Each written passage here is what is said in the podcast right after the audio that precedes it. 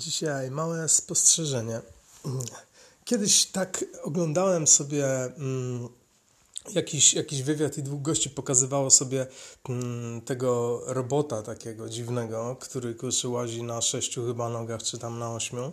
Mm, wygląda trochę jak taka pomniejszona wersja tego takiego wielkiego chodzącego robota z Gwiezdnych Wojen z Imperium kontratakuje. Takie, takie coś dziwne, które możesz kopać i to się nie przewróci. To ma takie żyroskopy i taki system no po prostu utrzymywania się na nogach, że nie jest w stanie e, nikt go wywrócić e, przemocą. Nie? E, no i teraz tak, mm, jak, jak widziałem tego kurde, tego robota dziwnego, to powiem wam, że kurde, przeszły jakieś mnie ciary dziwne, tak jakbym widział pająka. E, pamiętam to uczucie, że skojarzyło mi się to z pająkiem. No po prostu ma sześć nóg i wygląda bardziej jak pająk niż e, pies podobno. E, no i teraz przypomniałem sobie w ogóle przede wszystkim to, że, że my się boimy pająków, jakoś atawistycznie mamy wbudowaną arachnofobię. To jest bardzo, bardzo dziwna rzecz dla mnie, dlatego że ja nie wiem, no nie wyobrażam sobie, żeby rzeczywiście ludzie mieli przeżyć e, po prostu uciekając od pająków. Nie wiem, kurde. Te, mm, nie trzyma mi się to kupy. Oczywiście, że, że, że ukończenia pająków jakieś mogły być e, mm, no, śmiertelne nawet w skutkach, nie? Dla, dla jakichś na, naszych przodków, ale czy tych pająków było tak dużo, czy rzeczywiście one stanowiły aż taką dla nas e, przeszkodę, kurde, ewolucyjną, że, mm, że zostali tylko ci, którzy faktycznie się ich bali i uciekali? No, ciekawe to jest. W każdym bądź razie wydaje mi się to nieprawdopodobne, nie, nie tak bardzo prawdopodobne, e, jak, jak to, co teraz powiem. Kiedyś czytałem taką książkę i tylko z uprzejmości nie wymienię nazwy tej książki, dlatego że być może ktoś się natknie i mu zespoileruje. Zatem autor tej książki, to była książka science fiction, utrzymywał, że na e, Ziemię przylatują e, kosmici, którzy e, nie chcą pokazać z jakiegoś powodu.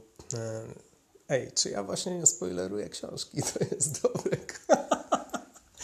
Dobra, dobra, dobra. Proszę wymazać to z pamięci. Mówiłem coś o, nie wiem, jabłkach, e, drożdżach, takich rzeczach. E, teraz e, powrócę. Nie? Ta książka mianowicie mm, miała taką jedną bardzo, bardzo ważne spostrzeżenie, że może tak być, że przeczucie, taka dziwna prekognicja w nas, umiejętność odczytywania przyszłości, nie jest przypadkowo formą, mm, formą wspomnienia. Czy to nie jest właśnie na tej samej skali po prostu przegięcie licznika, że jest to rodzaj wspomnienia, że żyjemy z tym czymś, co jest rozpostarte zarówno w jedną, jak i w drugą stronę. No i teraz, e, no i właśnie, i właśnie, i tak mi się wyobraziło, że może, może my mamy taką arachnofobię z powodu tego, co się stanie, a nie z powodu tego, co się stało. I teraz, i teraz przypo, y, przypomniała mi się jeszcze jedna rzecz. Mianowicie to, że y, no właśnie, co mi się teraz przypomniało, kurczę. Szybko, szybko odbudować ten flow.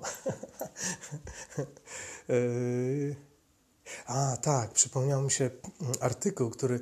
E, nie, to był, to był też podcast. Podcast mówiący o przedziwnym zjawisku, które jest kontrintuicyjne i, i może to Wam wyjaśni, dlaczego nie buduje się robotów, które mają twarze, ale które te twarze naprawdę przypominają ludzi.